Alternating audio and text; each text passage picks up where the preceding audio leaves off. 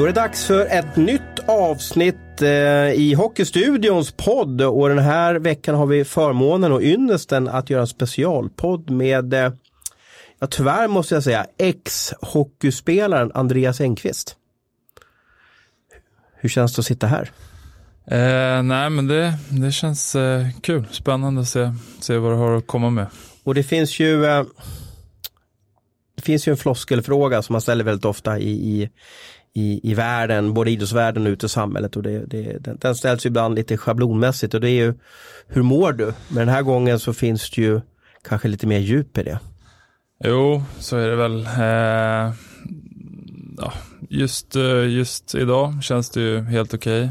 Okay. Eh, men sen går man igenom eh, mycket olika, vad ska man säga, stadier av, eh, ja, det går, går väldigt mycket upp och ner skulle jag säga. Eh, ja. Vi ska ta oss igenom din karriär, men om du bara ger ett hum till, eh, till våra läsare. Du har alltså tvingats sluta spela hockey nu. Jag hade en fin karriär i Nordamerika, KHL och i, i, i Sverige. Och tyvärr nu 31 år gammal så, så, så, kan du inte utöva det som, som du älskade. Och det är på grund av eh, hjärnskakningar. Hur många hjärnskakningar har du fått i karriären?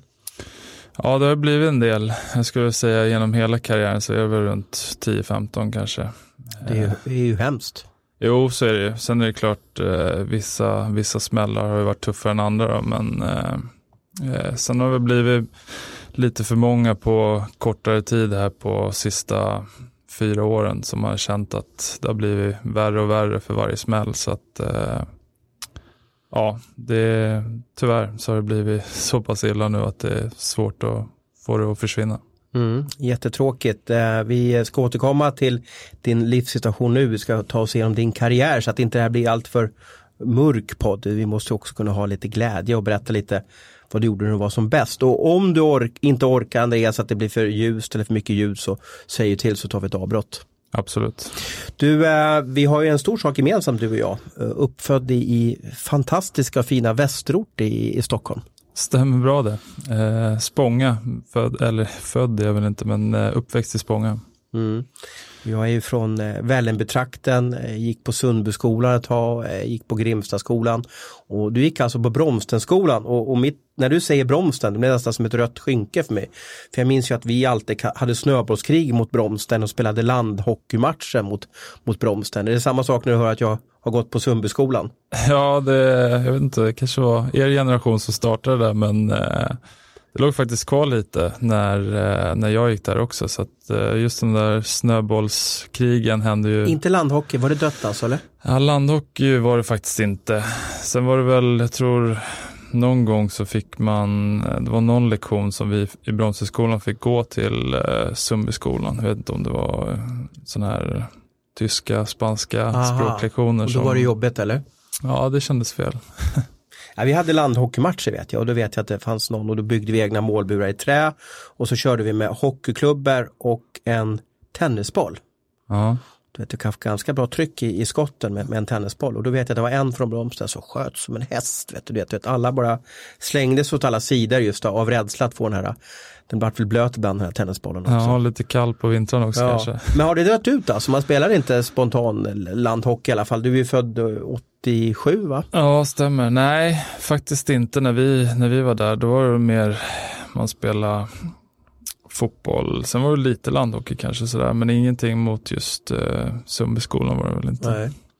Uh, varför jag vill ta upp din, din livsresa innan, innan den tyvärr tog slut nu när vi pratar hockey.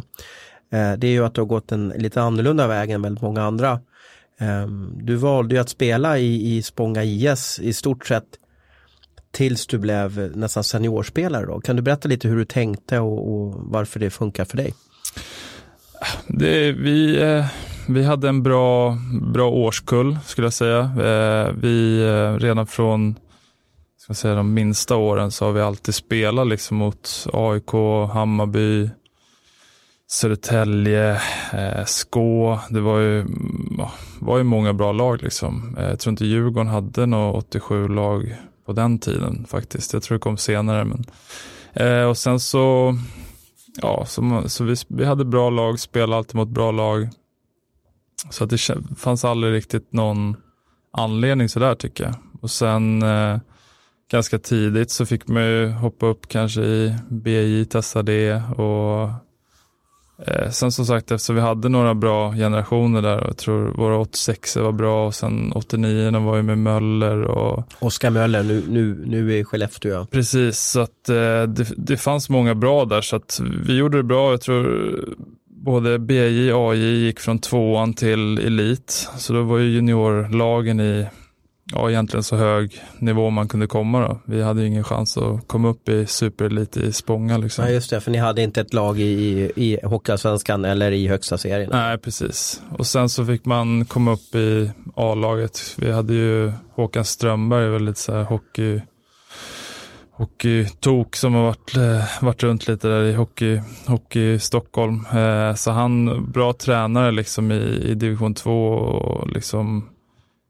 ja, så man kände man fick, fick bra utveckling liksom och, uh -huh. och kul att testa och spela, spela mot äldre i tidig ålder också. Kände att du var bra på hockey redan när det var U12 eller U14 eller alltså, visste du att du, du, du var, tillhörde liksom det övre skiktet? Det är på något sätt svårt att säga. Det är klart, man spelar ju mot, mot de andra, kanske de bästa 87 i Stockholm. Då.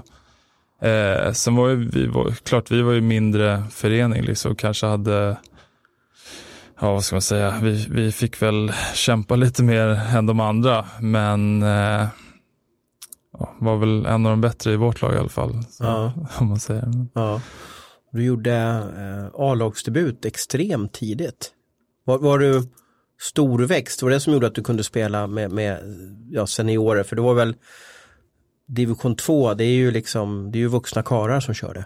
Jo, eh, jag tror väl var runt 15 när jag fick eh, vara med första gångerna där. Eh, man fick väl börja där också som lite sitta på bänken och titta på och sen, sen fick man jobba sig uppåt där också. Nej men jag tror hyfsat storväxt var jag nog kanske. Ja, för det, krävs, det känns som att det kanske är ett måste om man ska spela med, med 90 kilos bjässar liksom då som kanske också tycker att kommer en kille med galler nu, nu ska han få lära sig vad, vad Stockholmshockeyn handlar om här. Jo, men så, så är det väl. Men, eh, nej, men jag tycker ändå som sagt eh, det, det funkade bra. Eh, Eh, nu har man ju inte minne från alla matcher där, men det, det är klart att vissa var ju lite tyngre till och med än vad de är i elitserien eftersom de kanske inte tränar lika hårt då. Så att eh, det fanns några stora pjäser. Och visst fanns det ett lag i västerort som hette Hanson Brothers, men det, de kanske var i en lägre division än vad, vad, vad eh, Spånga IS var. Ja, nej, det är ingenting. Det är inget som du känner till. Nej, jag, tror, jag tror de är i trean eller fyr, fyran, det är lite roligt namn där. För ah, okay. Det finns en berömd hockeyfilm som heter Slapshot, eller slagskott. Ah, ah. Och där var ju Hanson Brothers då, liksom eh, de som hade huvudrollen. Ah, okay. Jag kan visa att det här laget också kanske liksom, ja, spelade lite som Hanson Brothers. Ah, nej, det var inget jag stötte på. Är du, precis 03-04 gjorde 32 matcher med Spånga. Året efter så gjorde du 32 matcher också, du gjorde 29 poäng. Det är ganska bra, 04-05 då. Då var du 16-17 år där. Ja. Och idag ska alla gå hockeygymnasium men, men det valde inte du. Nej. Eh, tror vi hade väl i och för sig, det var väl det året om TV-pucken var, det var innan de började flytta på det tror jag. Ja, jag, jag har kollat på TV-puckarna på dig och det här, jo nu ser jag faktiskt 02-03, Stockholm 2 TV-pucken står det, ett mål på åtta matcher. Ja, så att eh, ja, jag var väl med i TV-pucken men det var väl också egentligen, tror jag började väl också där och fick mest titta på eh, första matcherna där. Men, eh. men nu, bara ta oss igenom, TV-pucken har sett olika ut, alltså när, när jag var med i en TV-pucksålder så hade Stockholm ett lag. Ja. Och när du spelade TV-pucken då var det, alltså, var det nivåindelat lag 1 och 2, var det så? Ja, precis. Från hela Stockholmsregionen? Ja, det stämmer. Så det var... är det nord och syd då? Precis. Ja, exakt. Eh, och sen så, så, så jag kom med i eh, det röda då, lag 2. Eh, och eh, ja, så vi, jag tror, jag för mig Stockholm vit. Jag måste namedroppa lite namn här ja, i laget. Ja. Rickard Gynge, Rickard Gynge, Patrik Hörnqvist, Christian Sandberg, eh, Fredrik Sontag känner igen. Sen Andreas Enqvist lite längre, längre ner där på, på poängsidan då så att säga. Och ganska skapliga namn ändå som kom riktigt långt där. Jo, men så är det ju. Att eh, vi kanske var ja, vid den åldern då. Så, men sen om man, om man jämför de två lagen så tror jag ändå det var väldigt sådär lika, kanske om inte mer från vårt lag som, som lyckades. Ja, skulle jag säga. Så att eh, ja, det är ju lite, vad ska man säga, käns känslig ålder just där, liksom när det blir just med tv-pucken att eh, det är kanske då vissa verkligen slår igenom också som kanske inte mm. får chansen. Liksom, så att, du, om du inte så. hade kommit med i tv-pucken då, hade du, hade du det här äh, brinnet och karaktären inombords för att fortsätta att spela hockey eller hade du, hade du blivit tjurig och lagt av? Nej, jag hade, jag hade ju fortsatt. Så att för mig var det där egentligen, det var ju som sagt, jag tror vi ändå var tre eller fyra från eh, Spånga det året som var med i TV-pucken. Eh, men för oss var det väl lite mer så här, ska man säga, det var ju jätteroligt att bli, bli uttagen men det var mm. ingenting jag räknade med eller sådär liksom. Så, att, eh, så det var bara väldigt så roligt att, att man eh, fick chansen och, och liksom, det kändes ju verkligen då också som det var, det är väl såklart att det är, men det är ju, det var ju riktigt stora matcher att få spela liksom så att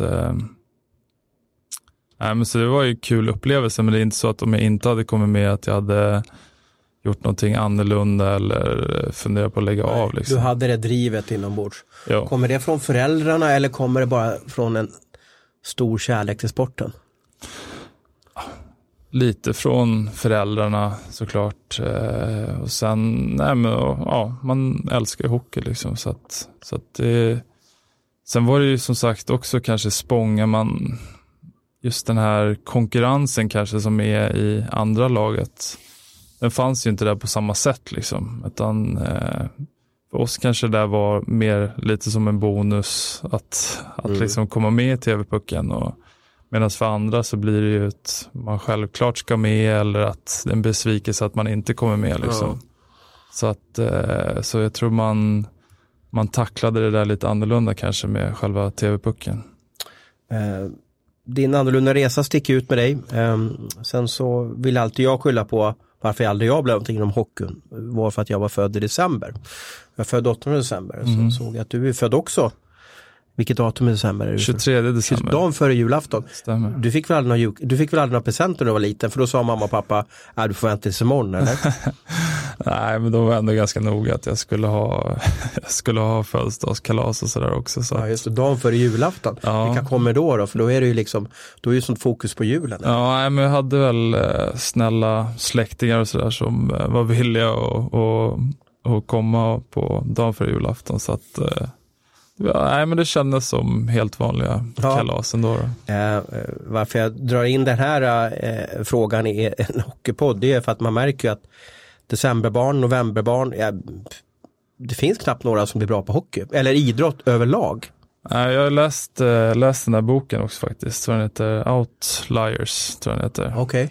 De skriver om det där. Eh, vad är det för bok? och vad, vad... Nej, men Det handlar väl lite om eh, de här om en 10 000 timmar och eh, att man ska lägga ner 10 000 timmar för att bli riktigt bra på något.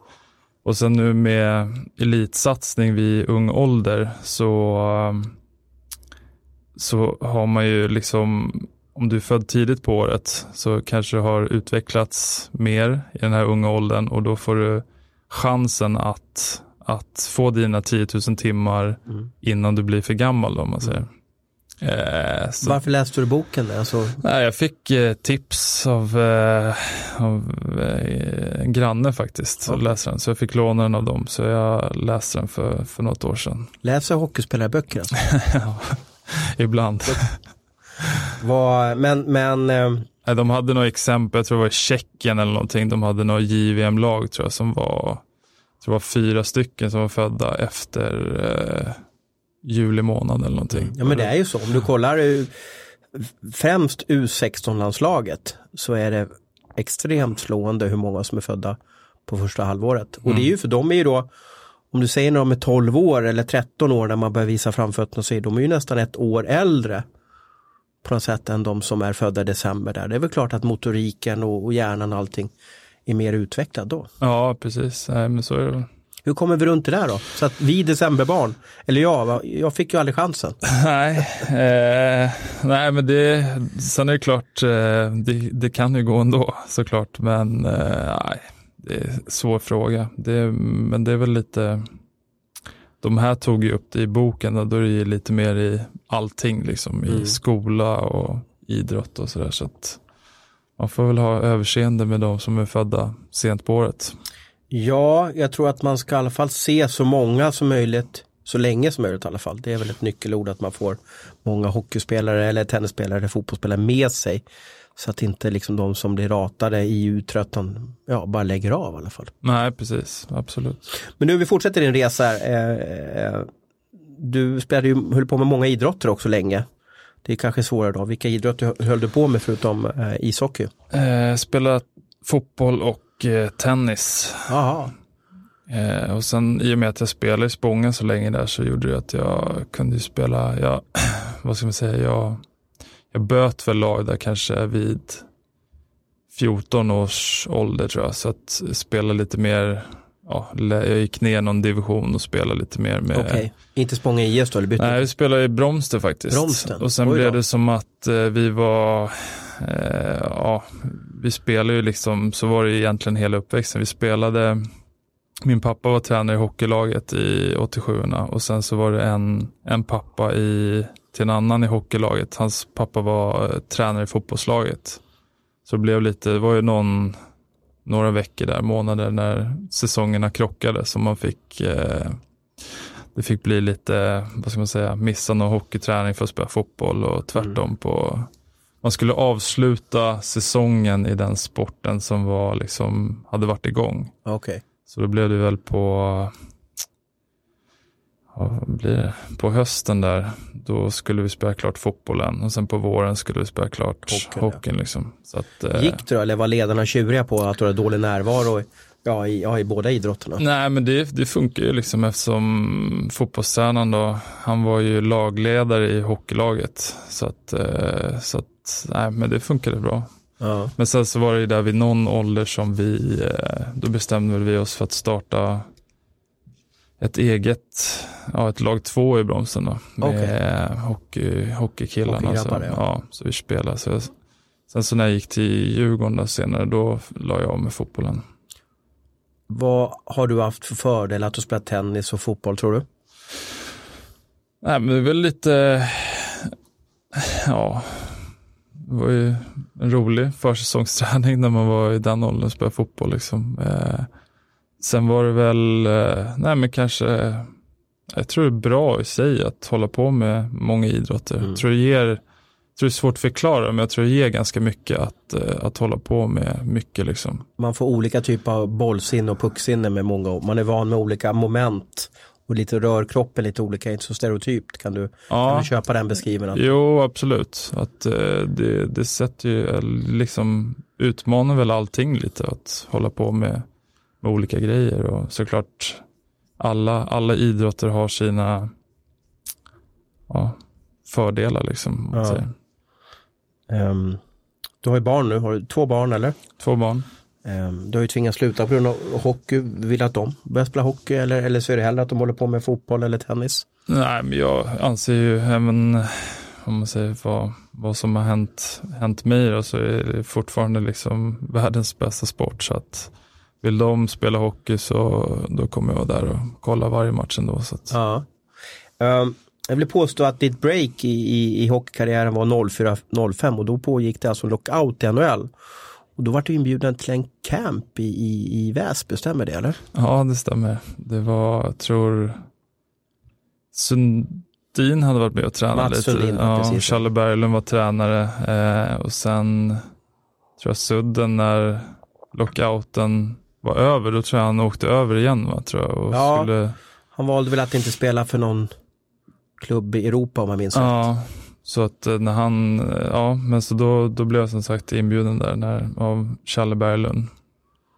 Och det var första gången som någon liksom på något sätt såg dig, att vänta det fanns någonting i den här 87an i, i Spånga där och, ja. och sen hörde jag att KG Stoppel hade ringt till Challe och frågat att vi måste fylla på vårt juniorlag och då hade han sagt att ja men tar inte du han så tar jag honom till Väsby ungefär och då hade de då plockar de dig två. Var det sista året på gymnasiet du fick chansen i, i Djurgårdens J20 eller var det, var det mer som, som eh, ja jag vet inte om du hade gått klart gymnasiet där? Nej, jag tror det var, det gick ju fortfarande gymnasiet där när jag gick i, i eh, när jag gick till Djurgården. Eh, så det var väl sen det året efter, efter jag körde med Väsby där. Då det var bara en vecka va? Eller? Ja, ja, precis och då, eller jag tror inte ens var det. Men jag hade, jag var riktigt peppad och träna inför Challe Berglund där. Okay, så att eh, jag hade väl, ska vi säga, livs bästa träning där tror jag. Eh, men sen så, då gick han till eh, Djurgården, Challe, och blev assisterande tränare där. Och sen när nästa säsong drog igång så var det några som eh, som åkte till, eh, jag tror jag skulle åka spela college eller juniorhockey tror jag. Okej, okay, så de tappade några spelare? Ja, precis. Och då, och på den vägen blev det. Så fick jag komma och provträna, provträna med Djurgården där eh, och sen så, ja, sen så fick jag, fick jag en plats är så lätt att säga om och, och, och sådär. Men, men, om du inte hade varit på den här Väsbyveckan, vad, hade du och jag suttit och poddat här idag tror du? hade du hittat en annan väg tror du då på något sätt? Det är svårt att säga. Det är ju alltså, man kan ju, men jag, ja, jag vet faktiskt inte. Nej. Det blir ju som sagt, eh, just eftersom man var kvar i Spånga så länge och liksom, det var ju kanske enda chansen att visa upp sig. Absolut, så att mm. eh, nej, det, man vet inte. Vad gick du för gymnasieutbildning då? Har du någonting att, att, att eh, luta dig på ja, nu när, när hockeyn är över? Jo, men jag gick ju eh, gymnasium i ja, Vällingbyområdet där, privat gymnasium som var med idrottsinriktning. Just det, Grimsta industriområde så, ja, det låter lite hemskt. Ja. Grimsta, jag kanske inte känner till det, kanske inte den trevligaste delen av Stockholm? Nej, men de, det var Walters gymnasium heter det som eh, finns väl inte kvar nu tror jag. Men, eh, så då, då hade vi ju liksom eh, onsdag förmiddag så hade vi hockeyträning i Järfälla ishall och eh, fredag var det också hockeyträning då. Eh, så vi var, vi var ett gäng eh, hockeyspelare där som, som gick och, och körde. Så att eh, eh, ja, men sen så när man, eh, jag tror jag kom upp i, jag fick A-lagskontrakt, då hade jag ju, ja, hade jag lite kvar av skolan där ändå. Så okay. då, då var de ändå schyssta och liksom eh, lät mig, vad ska man säga, ändå få gå och träna. Då blev det ju träning på dagtid helt ja, plötsligt. Liksom. Så då fick man lite mer hem, hemläxa och se till att vara där på proven och sådär. ja. Så att eh, på något sätt tur ändå att jag, att, att jag gick i den skolan med tanke på hur det blev eh, med hockeyn. Det gick extremt snabbt där om man kollar på Elite Prospect, fantastisk sajt för övrigt. Ja. Så, så alltså Spånga IS div, division 2, säsongen efter eh, Djurgårdens J20 och en match med, med Djurgården i SHL. Ja. Eh, plus att du fick chansen i U19-landslaget och så vidare. Den här första matchen med Djurgården, du måste, det måste du komma ihåg va? Jo, det gör jag faktiskt. Vad var det för, ta oss igenom den upplevelsen. Nej men det var som du sa, det gick ju ganska fort liksom att eh, man... Eh... Varför gick det fort? Alltså, hände det mycket i din kropp eller? Nej, jag tror på något sätt att det blev, man, det kanske var att man, om just att man hade spelat seniorhockey, att man kanske och vet jag, man kanske spelar på lite annorlunda sätt än, än de som spelade i J20 där, eller? Bättre på att skydda puck eller? eller? Ja, lite, jag vet inte, man som 15-åring eh, i division 2, då var det ju mycket styrspel och okay. jag tror SHL på den tiden, eller elitserien som det hette då, då var ju det också ganska mycket styrspel. Inte så och... mycket tuta och kör som en junior. Nej, okay. precis. Så att jag tror eh, ja, nej men det, det kändes bra. Sen, alltså man fick, jag vet det kanske gick för snabbt för en själv också sådär, men det var att man fick lite så positiva kommentarer, liksom hur man spelar och sådär. Och sen, sen när det blev, jag tror det var eh, influensatider, så var det många, många sjuka. Och då, Jaha, i Djurgården, A-laget här. Precis, och då så blev, kom säcken ner och sa att att jag skulle få följa med till eh, Jönköping. Spela. HV71 alltså? Så att eh, det var...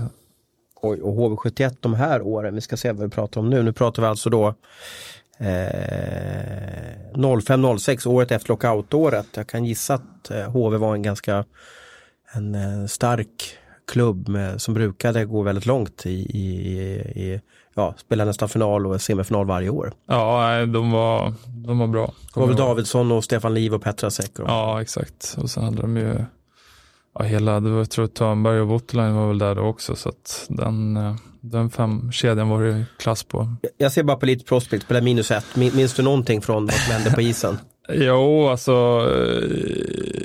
ja, jag kommer ihåg en del och som du sa, som du sa blev det ju tyvärr minus ett. Okej, okay. vann ni matchen. matchen eller torskade Nej, vi torskade. Men, eh, nej men det var, det var, det var en häftig, häftig upplevelse jag kommer ihåg. Att, men man, man var riktigt nervös innan i alla fall. Att, men vem spelade du med? Fick du, fick du chans som center eller? Fick Nej, jag fick spela höger, höger forward. Eh, kommer faktiskt inte ihåg exakt vilka jag spelade med den matchen. Kanske man borde göra men. Det här var väl några år här, något år här där Djurgården hade, får jag säga så, de hade lite tuffare, kan man säga så? Jo, men det var det väl absolut. Att, eh... Ja, det är Bremberg, Toresen, Rudstedt, ja. Eklund, Falk visserligen då.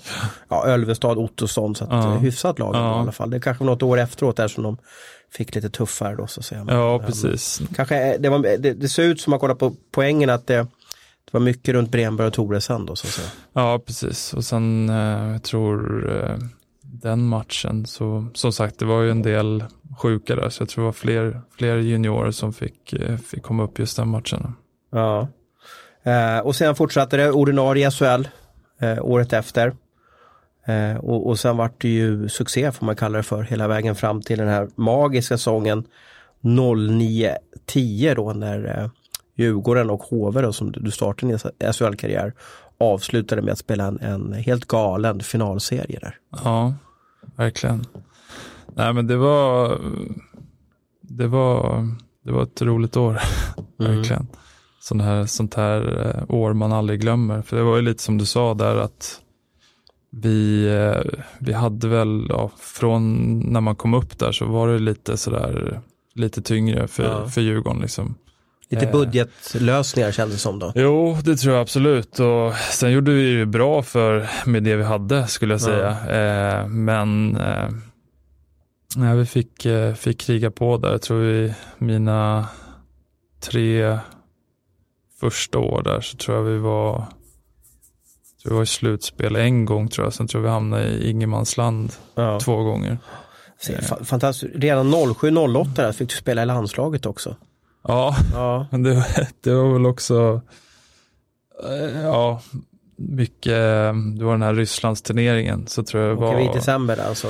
Precis, tror jag var lite så här, ganska många nej tack liksom. Eh, och det var väl då, då man liksom sådär, ja, man hade väl blivit lite varm i kläderna i, ja. i SHL då. Eh, och sen så, då ringer säcken också då och säger att det var många som har tackat nej och inte kan så att eh, jag tipsade Bengt-Åke om ja, dig. Det var under Bengt-Åkes eh, period ja. Ja, precis. Eh, och sen så blev det liksom så här, för, första tanken var ju nästan shit, klar, klarar jag det här liksom? -huh.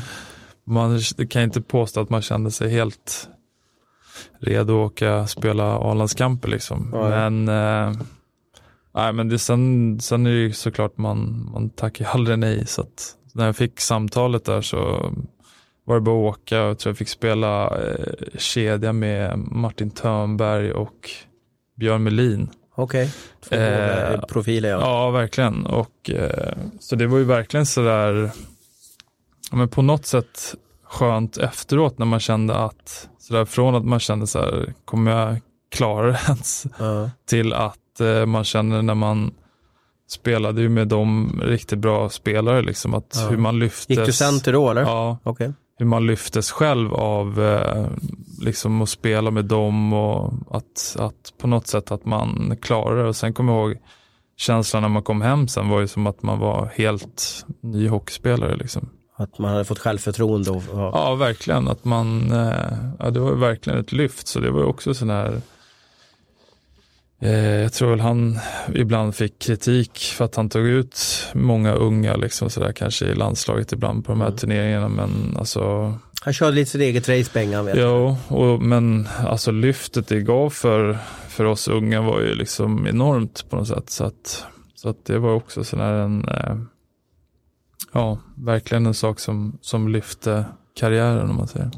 Varför, om du lutar tillbaka nu, slog, varför lyckades du ta, bli en riktigt duktig SHL-spelare när du var 21-22 år? Vad var det som, vad var hemligheten bakom det? Var det division 2-matcherna med Spånga IS eller, eller om du liksom tänker på det. För du gick aldrig som du säger på något hockeyläger, du hade ingen privat tränare eller någonting och du valde inte liksom gå till någon storklubb tidigt utan du valde en egen väg. Jo, det var väl kanske på något sätt det att man Alltså man kanske man tog ingenting för givet liksom att, att det blev eh, för det är väl samma om man tänker Djurgårdsresan. Man liksom tog ju steg varje år. Att första året så blev det väl eh, spelar man i fjärde, fjärde femman och liksom ja, man fick kriga på där.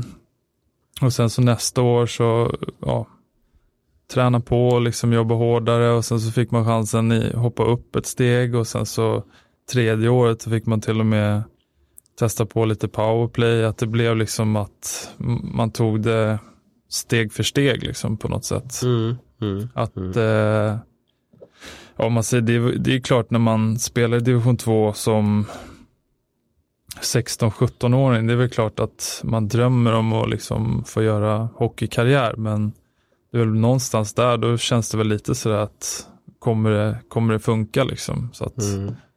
eh, för mig var det ändå så att man, när man väl fick de här chanserna att man, eh, man blev riktigt så här sporre liksom att man ville, ja, man ville mer på något sätt.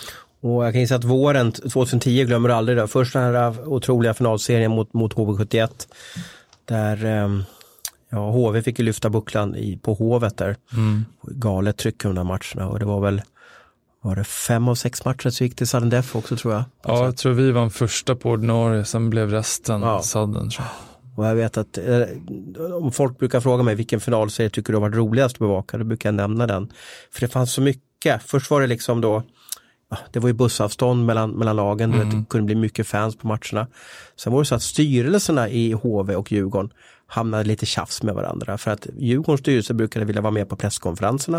Och det fick de inte vara i HV71. Mm. Så att det, var, det fanns så många parametrar och sen var ju då då hade Stefan Liv i HV71 Davidsson och, och Djurgården hade ett ett lag som både bestod av, av äldre duktiga spelare men så var det ett nytt garde med, med Andreas Engqvist, vi hade väl Josefsson, för att ta lite namn från ja, Selin, Brodin.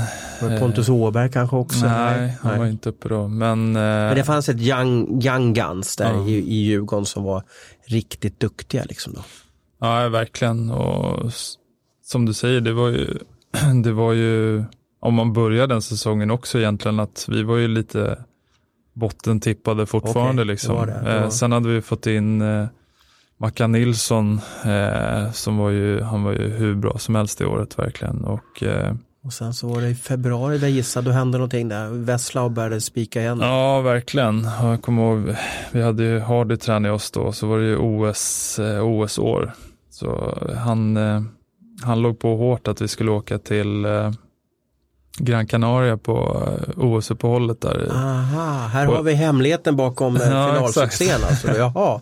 Men var det en träningsresa eller ville, ja, det... eller ville han ha sol? För att Nej, men det var väl lite båda såklart. Eh, vi tränade ju när vi var där, men eh, för det blir väl, jag tror det var är väl nästan tre veckors uppehåll tror jag. Ja, så vi åkte gick ju Vancouver OS där ja. Ja, så vi åkte ju ganska fort då till eh, Gran Canaria där och så körde vi ju fys och tränade på liksom. Men sen samtidigt så hade, fick, hade vi ju Säkert lite roligt kan jag gissa också. Ja, och familjerna fick följa med oj, oj, oj. om man eh, liksom, ja, fick man lägga till om man ville. Då.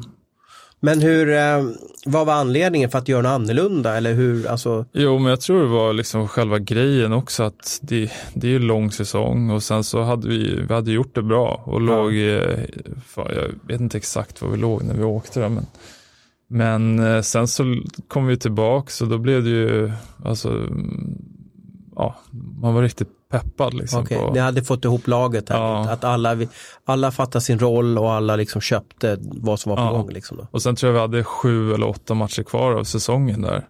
Och jag tror vi vann, jag tror nästan vi vann alla matcher inför slutspelet. Så ja. vi gick från kanske fjärde plats eller femte plats eller vad vi låg när vi åkte till tvåa i serien där. Så ni hör alla lag där ute och alla spelare. Åk till Grankan i, i, februari där och, och gör teambuilding så blir det succé. Ja.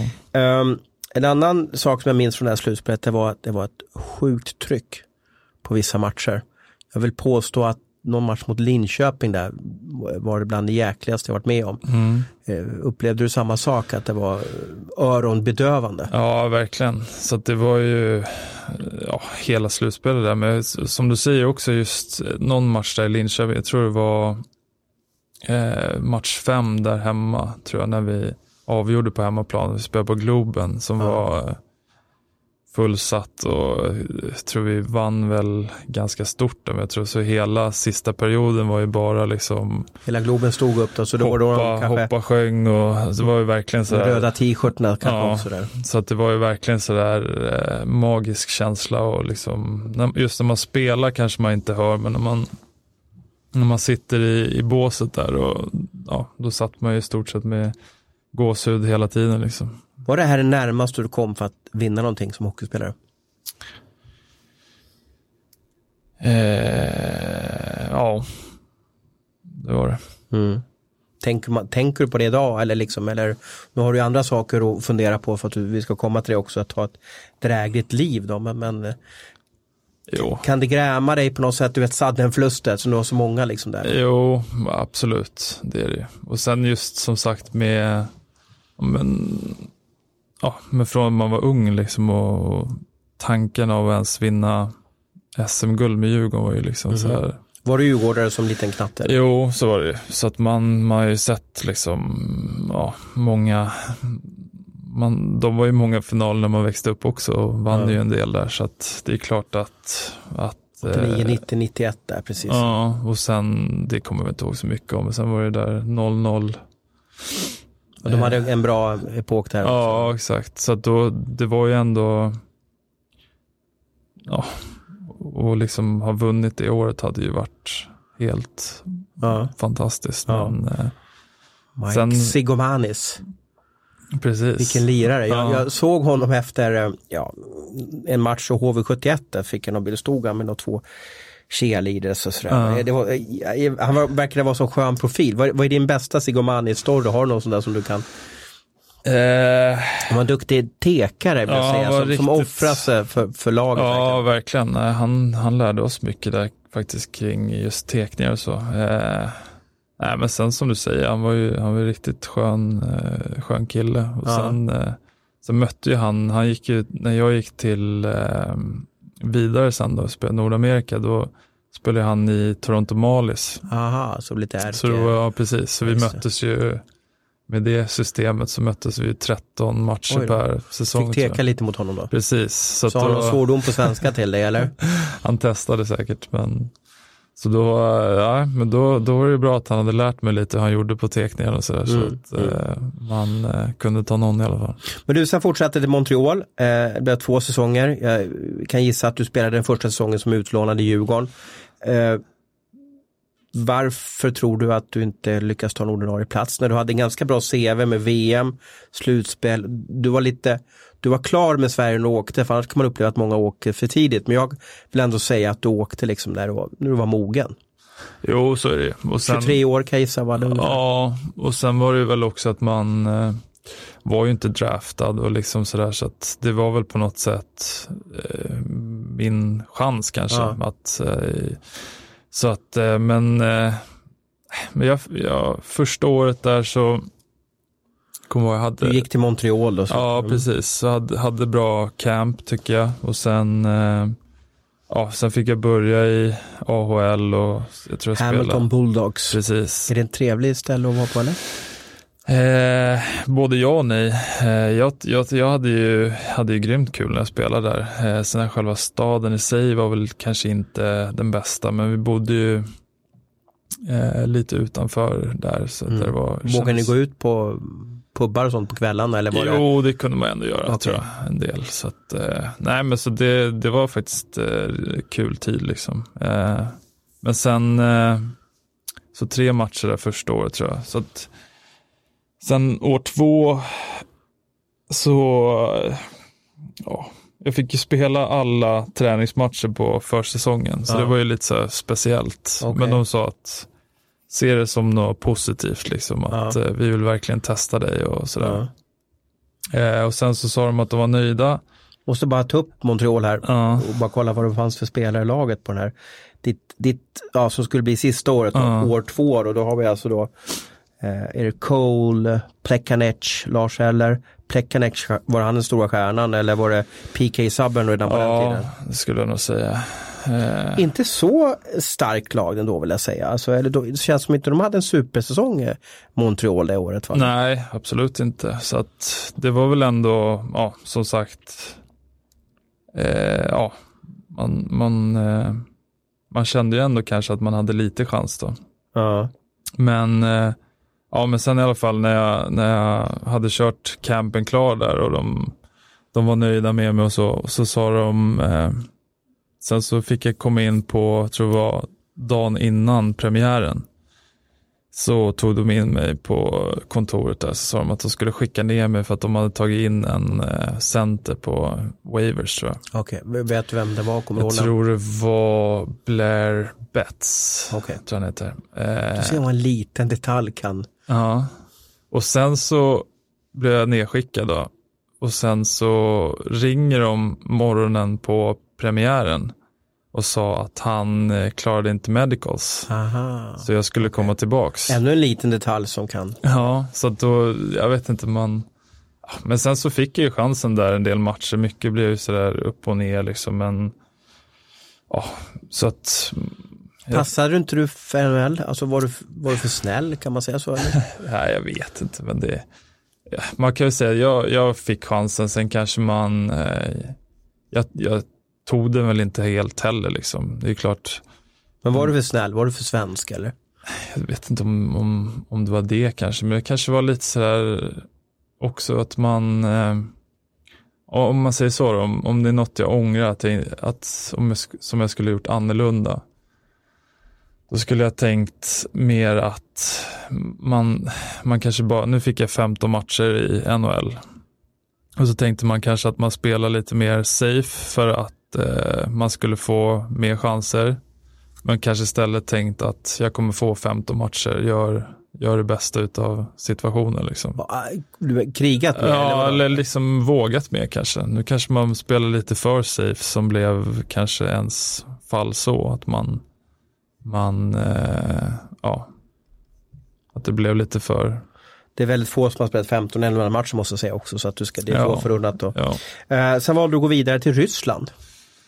Stämmer. Du känns inte som en sån här Rysslandskille för mig men, men du känns som lite sådär mys-Sverige på något sätt men jag kanske har fel där. Du ja, är lite, för du är inte den som kanske låter mest eller liksom du är lite lågmäld av dig då. jo, så är det väl. Men det, nej men det dök upp eh, när, eh, när jag skulle hem, där jag bestämde mig ändå hyfsat tidigt att jag ville, ville åka tillbaks till Europa. Ja. Eh, Djurgården åkte väl ner det året till eh, allsvenskan. Okej, var det då de åkte ut där? Precis. Precis, eh, så då eh, blev, ja, så började vi kolla lite Ryssland sådär så sa man väl, ja men lite sådär ändå på något sätt kändes det väl lite läskigt också Okej. kanske från början. Då. Hade du din uh, nuvarande fru, sambo med dig ja, överallt eller? ja, precis. Så du har lite payback time nu? Ja. Nej, men så då... Så, Hamilton och förorter till Moskva och sådär. Liksom. Ja, exakt.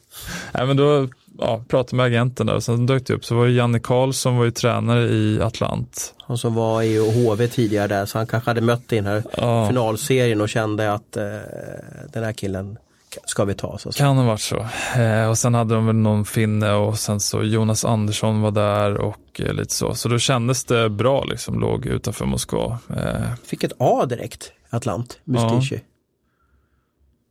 stämmer. Vet du varför eller, eller var det för att Janne ville ha någon svensk att bolla med? Eller, jag, jag tror ändå de körde sån här eh, omröstning liksom i laget. Jaha, Och sen blev det väl att ibland att de vill ha kanske någon eh, av eh, ja, vårt fina smeknamn Importer som, Mm. eh, som assisterande. okej. Precis, Frögren var där ett tag också och Ja, Maxim precis. Semjonov var, var lagkapten då. Ja, Andreas Engqvist, Konstantin Koltsov var, eh, var lagkaptener där. Eh, ingen ryss utan eh, jag ser att det är en från Ukraina va? Och en från, eh, var det, är det Vitryssland flaggan, Koltsov ja, ja, precis. Okej. Hur, hur var det att komma till KHL? Det här från, från NHL och, och 2012 och så vidare liksom. Och precis efter Stefan Liv-tragedin där också. Ja, precis. Det var väl det, en av de faktorerna kanske som var lite sådär skrämmande såklart. Att, att eh, man var lite sådär nervös för. Eh, nej, men sen när man kom dit, de märkte första resorna där att det var ju, de var ju mer noga tror jag. Man har Med, ju shapat upp lite. Ja, absolut. Eh, och eh, ja, men sen rinken där var fräsch. Staden var väl, eh, ja, det låg ju nära Moskva. Sen Mytishi som, som stad var väl lite mindre och kanske lite, inte lika eh, lyxig om man får säga så. Men, Spelar du med samma kedja som Sherdev där? ja, gjorde Bra det. stäm ser ut ha haft om man kollar på poängen. Ja, absolut. Så vi, det var väl han, jag och eh, Jonas Andersson spelade väl ganska mycket ihop det året. Ja, skönt att ha en svensk där liksom. Ja, verkligen. Han hade ju spelat några år i, i Ryssland där också, så det hjälper ju mycket liksom att ha någon som, som vet, vet vad som gäller. Vad är Liksom. din bästa Rysslandsstory då? Om du får en förfrågning från polarna där i, i, Spånga då? Nej, man har väl en del, men det är just eh, första, första gången jag kom dit kommer ju aldrig glömma heller. Som, jag kommer ihåg planet var försenat, så jag kom ganska sent i Moskva där. Och sen har man ju väskorna med sig så kommer någon eh, liten farbror där liksom med Enqvist-skylt, stavat, stavat lite fel. Eh, sätter mig så har de någon sån här, eh, ja, någon eh, minibuss av något slag liksom. Eh, så kör vi, eh, trafik, det tar ju ännu längre tid så jag tror jag kommer fram vid halv elva kanske på kvällen liksom. Ja. Eh, och sen så när vi kommer fram liksom så ger han mig bara nycklarna så, ja liksom, Kan inte ett ord engelska? Nej. Nej. och bara, här, här ska du bo liksom. Okej. Var det hotell eller lägenhet? Nej, eller? lägenhet. Och helt svart? Ja, helt, och såg ju faktiskt inte speciellt trevligt ut. Okej. Eh, och sen så försöker jag förklara det liksom att, men vart ska jag liksom? Jag har ingen aning vilken är min lägenhet. Nej. Står liksom utanför porten liksom och han, Och bara, där, han vill precis. dra. Han Ja, vill dra hem och sova. sina pengar Ja, exakt. Nu har han gjort sitt. Eh, så sa han bara, eh, ja, practice 10 o'clock Okej. imorgon liksom. Okej, så, bara, så vet jag att, eh, för Patrik Zackrisson var ju där också. Okej. Men han skadade sig på försäsongen. Men, så jag visste ju att han var där, men jag visste inte vart han bodde heller. Liksom. Okej.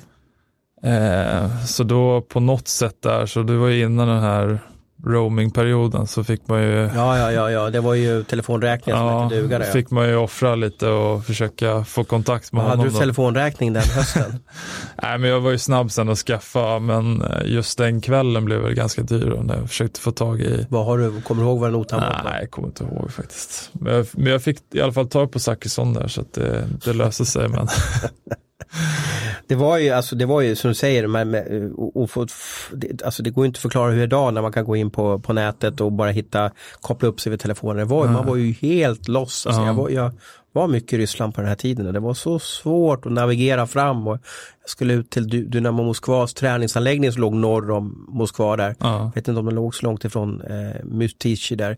Jag vet att jag tog sista, åkte till sista tunnelbanestationen och sen blev det en taxi ut till, till Dynamos träningsanläggning Ja. där och det var liksom att jag hittar fram, jag, jag fattar inte hur det gick till. Nej.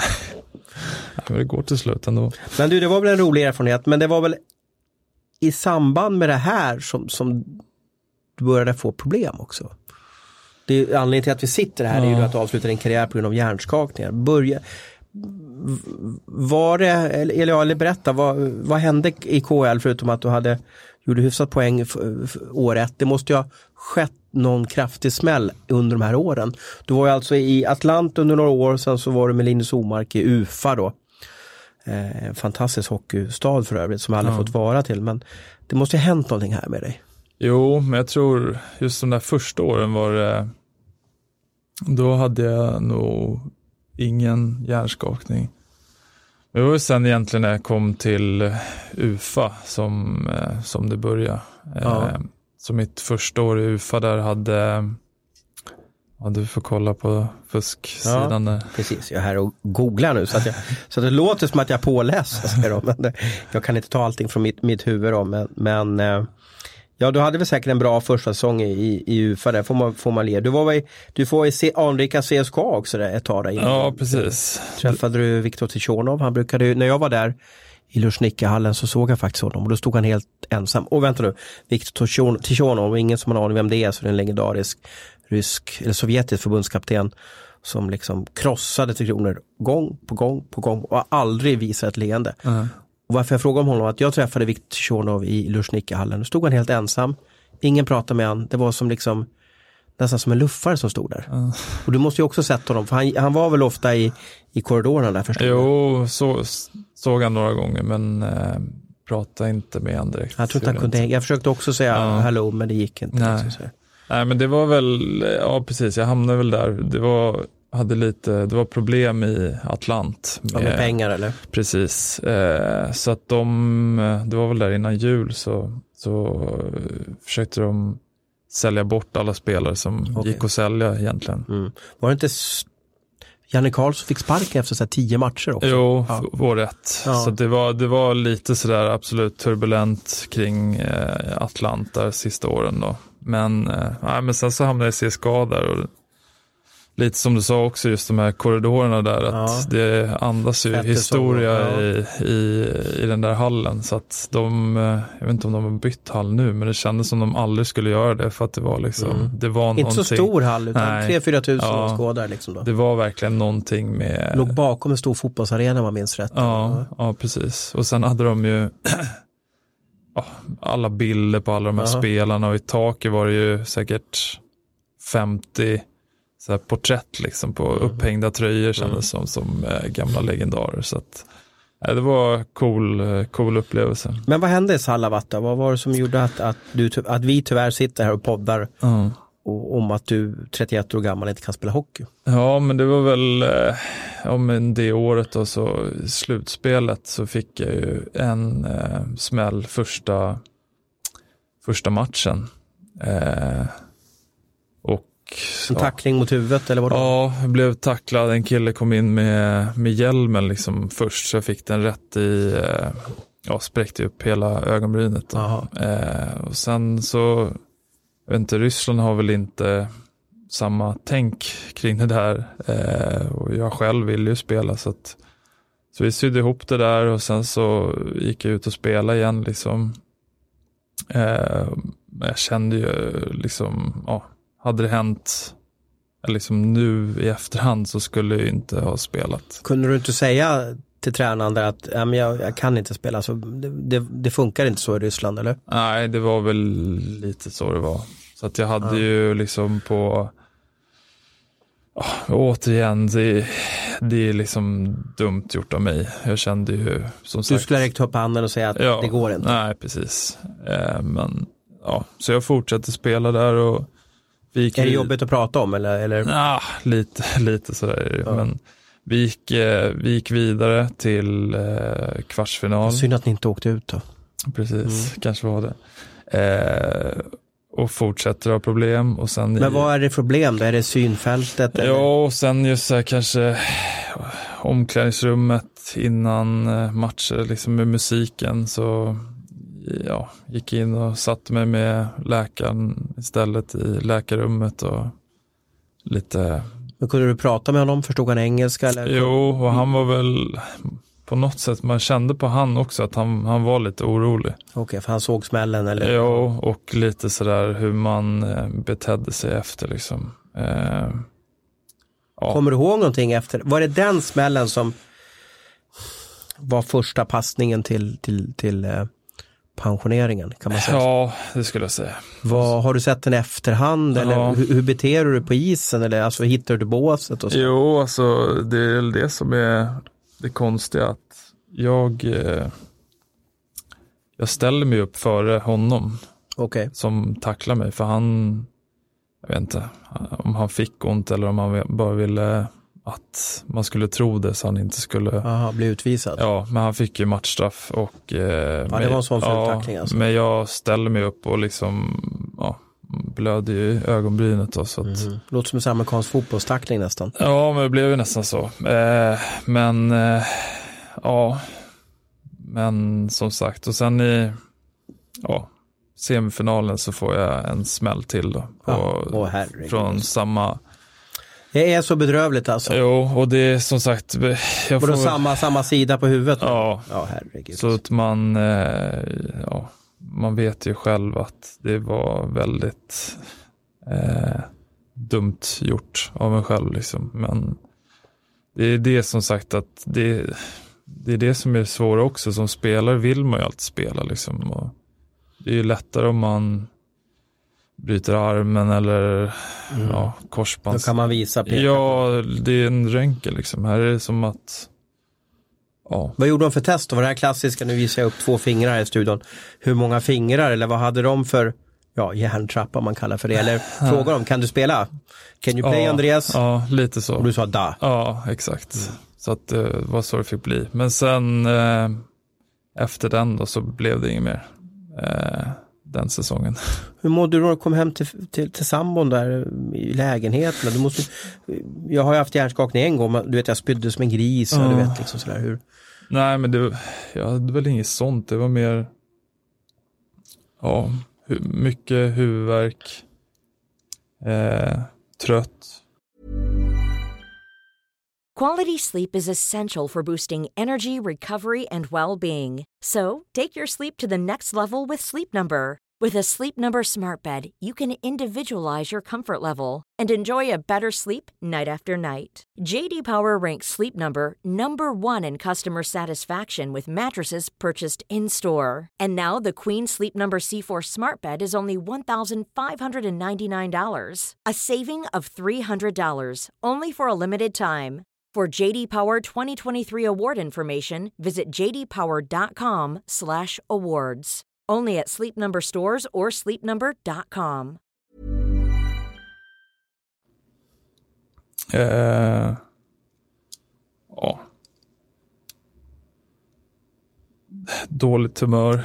kanske. Uh, men sen då var det väl på något sätt som, uh, ja, sen, sen blev det inget mer hockey. Det var ju liksom den säsongen då. Sen började man träna på lite där på sommaren och då tyckte jag ändå att det kändes bättre. Att det svarade liksom. okej okay då? Ja, men sen eh, när man eh, kom tillbaka så, så ja, det var kanske inte helt hundra. Och Nej. sen så hann jag väl spela tio matcher till eller någonting och så fick jag nästa smäll. Mm. Och då blev det väl lite sådär Ja, för då, då hade väl ändå på något sätt börjat inse all, allvaret liksom att mm. jag måste ta det lugnt nu liksom. Och då blev det ju lite sådär med tränarna och allt det där att liksom vad är det för fel på det och lite sådär att. Du fick höra att du var lite chicken swede alltså. Ja men typ och man hamnar i så lite situationer att man man, man, visste inte vad man skulle göra riktigt. Som läkaren sa stanna hemma och sen så kunde han ringa på kvällen så här, nej men du måste in, tränaren ja, någon som uppifrån har sagt att. Ja, och då åker man dit och sen blir det att man är, känner sig i vägen där och det blev, ja, det var ingen kul situation. Liksom. Linus Omark spelar du med. Ja.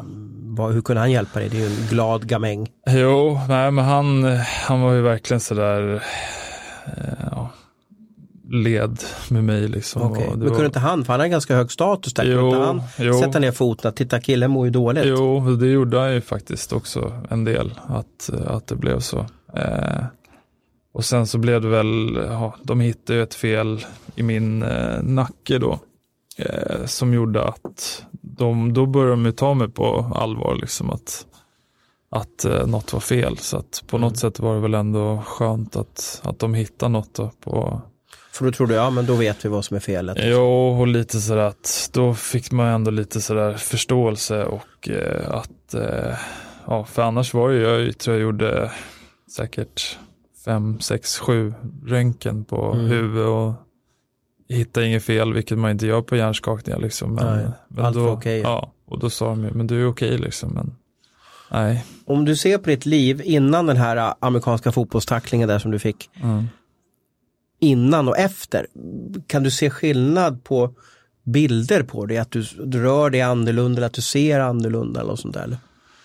Jag tror man lite sådär kanske, vad ska man säga, kanske lite mer försiktig kanske. Okej, lite mer, Ja, om att man eh, lite sådär kanske, ja, som du sa innan, man är lite sådär lågmäld, att man kanske blir mer sen ännu dess, mer liksom. lågmäld alltså. Jag tror det. Lite så att man, eh, för det blir väl, ja, som i dagsläget också, man kan väl inte säga att man, man utstrålar massa energi liksom, Nej. utan eh, ja, det är väl det kanske att man, Ja. sen blir det väl ens vardag också, det är svårt att komma ihåg hur man var för, Mm. för en tid sedan, men Du fick en till smäll där i Salavat och sen valde du även, du valde att komma hem till Djurgården det här eh, och, och ja, du spelade en halv säsong då med Djurgården då. mm, Och då var det en tackling uppe borta mot Mora där som, ja. Var den lika hård som den här tacklingen i Atlant eller hur? Eh, alltså det, det blev ju en, en bra smäll. Jag fick väl eh, ja, en axel mot huvudet och samtidigt som jag slog i andra sidan i eh, sån här plexikant liksom. Mm. Men det tycker jag man ser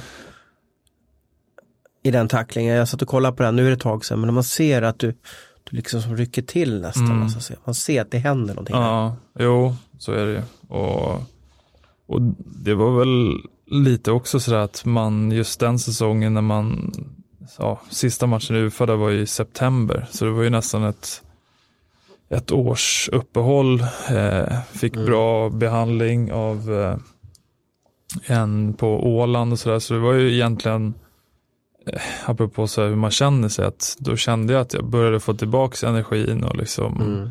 vara med mig själv. Liksom, att, Vad sa din sambo, eller var ni gifta? Ja, vi var gifta då. Vad sa din fru då? Alltså sa hon, Andreas, skit i det där, eller sa hon det någon gång? Eller? Jo, hon, hon har väl sagt det några gånger sådär, men samtidigt så hon kan väl märka på mig också, kanske när man, när man börjar må bättre igen också, liksom att på något sätt, eh, ja, jag fick de där månaderna, eh, började träna, eh, sen efter ett tag och sen så, ja, när man började prata med Djurgården där så märkte väl hon att man kanske hade lite mer, ja, energi och att det började Mm. komma tillbaka Blev lite, lite den här glad där. glöden liksom. Och man sak, saknade ju verkligen hockeyn och liksom Mm. tanken av att spela i Djurgården igen var ju liksom också sådär, var ju ja, något man verkligen ville. Så De hade ju att, något nytt på gång där med Robert Olsson och Ja. du vet allting.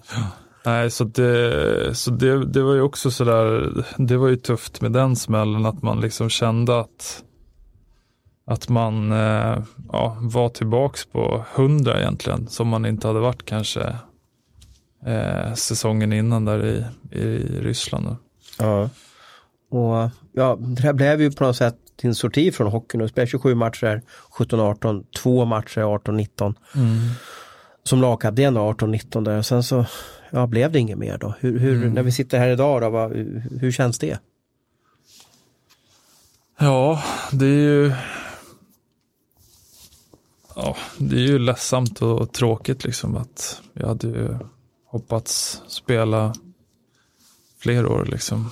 Eh, så att det är väl eh, det är väl det att man eh, ja, det var ingenting, ingenting man ville Nej. så att att, eh, att behöva ta det här beslutet liksom. Men i slutändan så blev det ju det enda beslutet jag kunde ta liksom. Ja. Så att, eh, Och om du förklarar för oss liksom vanliga människor, hur är det att ha hjärnskakningsproblem? Hur funkar en vardag då, så att säga, om du tar oss igenom det lite med tunnelbana, ljus, ljud och så vidare. jo, men det är väl, jag tror det är väl säkert olika person Men hur har det varit person. för dig då? För mig har det väl varit just sådär, ja men, eh, ja, folksamlingar är jobbigt. Eh, jag kan ibland liksom eh, tolerera någon, liksom, vad ska man säga, ett, starkt ljus så länge det är hyfsat lugnt runt omkring mig liksom. Ja. Eh, men sen har det varit för mig att man, man startar egentligen nästan varje, ja, varje morgon startar man med att man har huvudvärk liksom. Okej. Sen i olika grad. Eh, Trots att har sovit och, och kroppen har vilat? ja, att man, eh, ja, och sen just det där att man, eh, det är lite som lotteri liksom att det är, man försöker ju oftast hitta saker man gör som gör att, Som okej, funkar? Ja, som om man till exempel sitter här nu då, att okej hur mår jag imorgon men Jaha, du menar att du anser, ja du får be- om ursäkt. Nej men, men mer så att man, Gnuggat ur dig för mycket? Nej nej, nej men det, det är det jag menar liksom att så fort man gör kanske ma- man gör någonting som nu när jag arbetstränar kanske att man okej vad, hur kommer jag må imorgon av det här? Att man vet liksom inte, det finns inget samband av att man kanske ja, det, det lever liksom sitt egna Ja. liv på något sätt. Det du gör nu kan jag tänka att du anstränger dig och du pratar och Ja. du jag har också kanske ställt frågor och igen jag är ledsen om jag har rivit upp det här. Du får minnas de här smällarna, då måste det vara lite så att det, det river i kroppen på det kanske. Lite. Jo, lite så. Men det är, sen så, eh, man, ja, det, det är liksom verkligen berg och dalbana med Ja. känslor. Och sen eh, deppigt är det ju också. Eh, och liksom, ja, gå igenom det här då. Men, eh, nej, men Går det, hos psykologer idag berättar du? Ja, precis. Eh, det var väl något jag tog tag i eh, eh, förra säsongen. Som jag kände att det var väl via Djurgården där som jag hittade en ja, perfekt psykolog för mig tycker jag. Som bollar mycket med och liksom på något sätt man det blir ändå som att mm, även fast man har det här att man man är, jag är fortfarande en tvåbarnspappa liksom. 31 år, mitt i livet. Att, ja, att jag, det blir på något sätt att eh, man, man måste ju försöka liksom att komma, ja, man ska ju försöka komma tillbaka till ett norm- normalt liv och då måste man ju försöka, eller ibland kanske testa lite saker liksom. Eh, Mm. Sen är det klart att man, eh, vissa, vissa saker man, man verkligen försöker undvika för att eh, Som vad då? men det är väl just så här, jag, har ju gått på liksom en del matcher på Hovet, men eh, då sitter jag ju liksom i, i de här eh, lyx, Burarna lyxiga ja. burarna Ja, där uppe. Ja, Eh, lyxiga, precis. Ja. Där man eh, tar bort lite ljud och, och liksom springer runt omkring just för att jag vet att det påverkar mig ganska kraftigt liksom. Mm. Du möter mycket folk då, bara, om man ska, ska man fråga hur mår du eller vill, vill du inte ha den frågan? Det, jag, jag hörde ju faktiskt någon, jag tror det var någon av eh, Abbott-brorsorna där, som eh, förklarade någon gång att anledningen till att man inte gillar den frågan är för att man ställer den till sig själv tusen gånger per dag. Ja. Liksom. Att jag tror, eh, man vet ju att folk frågar ju för att, att Var de, snäll. Ja, och bryr sig. Så att eh, det är okej att få den frågan. Men Mm. som sagt, man, eh, man ställer den till sig själv ganska ofta också per dag. Mm. Gör man. Så att eh, det kan vara minsta lilla grej. Så tänker man liksom, ja, hur blev det där? Och så, ja. Vad, eh, du arbetstränar nu hos Djurgården, vad gör du då för något? eh, jag eh, har väl lite sån här, eh, ska titta på träningarna. Eh, där kanske trä- A-lagets träningar? Ja, precis. Eh, och där man kan, liksom tränarna kanske kan be en att hålla koll på någon viss detalj i spelet eller sportcheferna. Eh, sen även vara med, eh, eller har testat vara med nu i alla fall på sådana här, de har ju eh, individuell utvecklingsträning på eftermiddagarna ibland. När det är eh, ja, lite mindre, det är lite uppdelat. Så då är det inte lika mycket folk där. Inte lika mycket slammer och sådär? Nej, och då har jag försökt vara eh, lite närmre isen om man säger. Eh, på, på de träningarna. Mm. Eh, sen annars att man eh, ja, fortfarande får liksom vara med och hänga lite med, Grabbarna ja. ja det, det gör ju mycket för mig liksom med, ja. Hänga lite i omklädningsrummet och ja exakt. garva lite. Precis. Att, eh, Men du klarar av att gå på bio? eh, det var länge sedan. Kanske länge sedan man går på Ja, bio överlag. ja. Man kanske kollar på Netflix och sådär. Ja, nej men det var, Nej, om, hur gamla är, har du pojkar eller döttrar eller? jag har en son och en dotter. Vad är det för ålder på dem då? Fyra och sex. Oj, det är, jag kan berätta att det är tuff ålder. Ja, Det kommer bli bättre. ja. Men när de skriker och bråkar, för det gör ju barn, alltså. Och hur Ja. blir det för dig då? då? Nej, det är ju, eh, kan vara tufft Mm. ibland faktiskt, eller ofta. Eh, så det är väl det som är liksom ens största, ja, där man vill eh, bli bättre, om man säger. Mm. Det är ju, Man vill vara en perfekt pappa. Jo, att det är väl det man liksom, ja, det enda man vill egentligen. Det är Mm. nummer ett och, och liksom, ja. Hur, eh, kanske en korkad fråga, men hur, hur, hur bra kommer det bli då? Vet du det? Eller har du pratat med andra? Eller hur, hur mycket kommer tiden göra Andreas Engqvist till en friskare människa? Ja, och pappa då. Jo, men det är väl ändå, har man väl förhoppningar och, och bli liksom och målet. Eh, Mm. Tidigare har man väl ändå, de har ändå försökt spela igen så de har väl ändå nått till en viss punkt där man har känt sig liksom någorlunda hundra. Mm. Eh, så att eh, det är klart att man hoppas att, eh, att eh, det blir bättre. Sen man pratar med vissa, liksom, det är ju klart att vissa problem finns kvar. Eh, men man hittar väl sin väg på något sätt. Liksom, att, Mm. Jag klarar av vardagen där ja. Ja, att man kanske ja, vilar lite mer eller försöker sova mer eller Mm. kanske äta på ett visst sätt. Eller det finns ju olika vägar att, att testa sig fram. Liksom. Det är många, Tollefsen, Sanny Lindström, Fernholm, Selina problem, vi har Almen Bibic nu. Har ni kontakt med varandra och kan stötta varandra? Jag vet inte om du känner Fernholm, han är ju några år äldre än dig. Eller har, har ni några som ni kan liksom mm, ja, prata med varandra? För man förstår väl varandra på ett annat sätt kanske då än en, en vanlig frisk människa. Jo, men absolut. Det är väl eh, eh, som sagt en del man, man känner som har gått igenom samma saker och det blir väl på något sätt som eh, skönt stöd liksom att ha Mm. någon, eh, någon som har varit eller är i samma situation liksom att man kan, ja men kanske tipsa varandra om olika behandlingar eller Mm. vad man gör Mm. och liksom Robban Nilsson har vi också som är i samma fas som du är i livet kanske också. Ja, precis. Nej men så det, det är klart att man, eh, man håller kontakt med vissa och sådär försöker Mm. dela erfarenheter. Vad, eh, ska bara avrunda här. Eh, jättetacksam för att du orkat med det. Jag ser att du lider faktiskt lite och jag ja, skäms lite. Men, men måste ställa den här frågan. Vad hade du vad hade du gjort om? Vad hade du liksom förändrat eller vad hade du sagt att det här hade jag ställt in bara för att vara en frisk människa?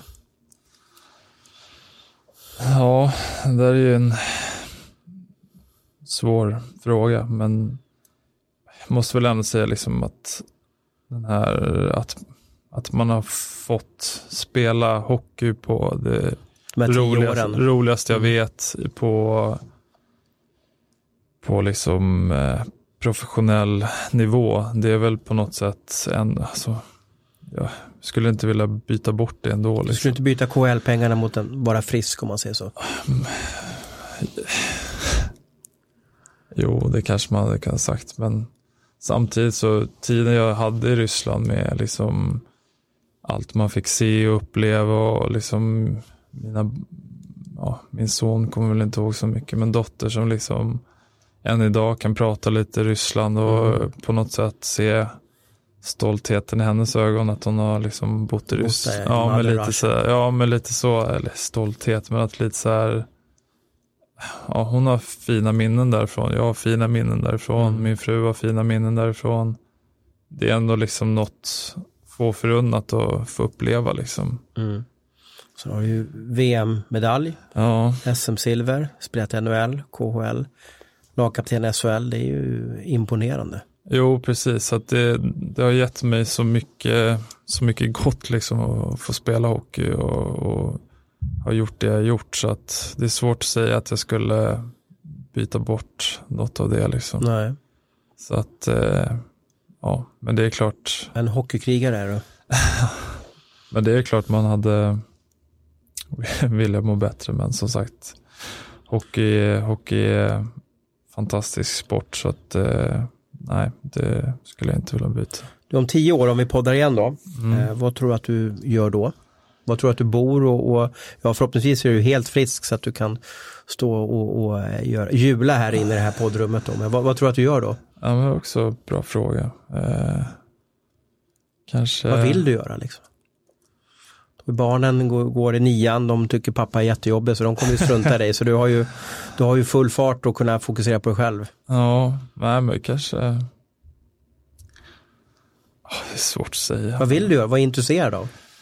Nej men eh, är klart, eh, hockey är någonting man brinner för. Eh, så eh, en grej jag hoppas jag gör då, det är väl kanske att och hjälper att träna dotterns eller sonens hockeylag då. Kanske safe svar på frågan. Och om det är någon spelare som, jag tänkte på de här ryska tränarna som får någon hjärnskakning, då kommer du vara en bättre ledare kan jag gissa i alla fall. Ja, då, det hade man tacklat annorlunda. Har du varit en skrikande tränare tror du, eller lugn och harmonisk? Ja, får vi se. Mm. Ja, Nej, men jag, tror, det. jag tror jag är ganska lugn. Just det. Vad, vilken klubb blir det för dina barn tror du? Vad ligger närmast till liksom? det som- Eh, ja, men det är väl klart de blir bra nog att de får spela i Djurgården. Djurgården, ja, precis, ja, precis. Tack för att jag fick eh, ynnesten att prata med dig, eh, eh, Ante, får jag säga så? Ja, det går bra. Ja. Och eh, jag hoppas att du får ett, ett jättebra liv också. Tack så mycket.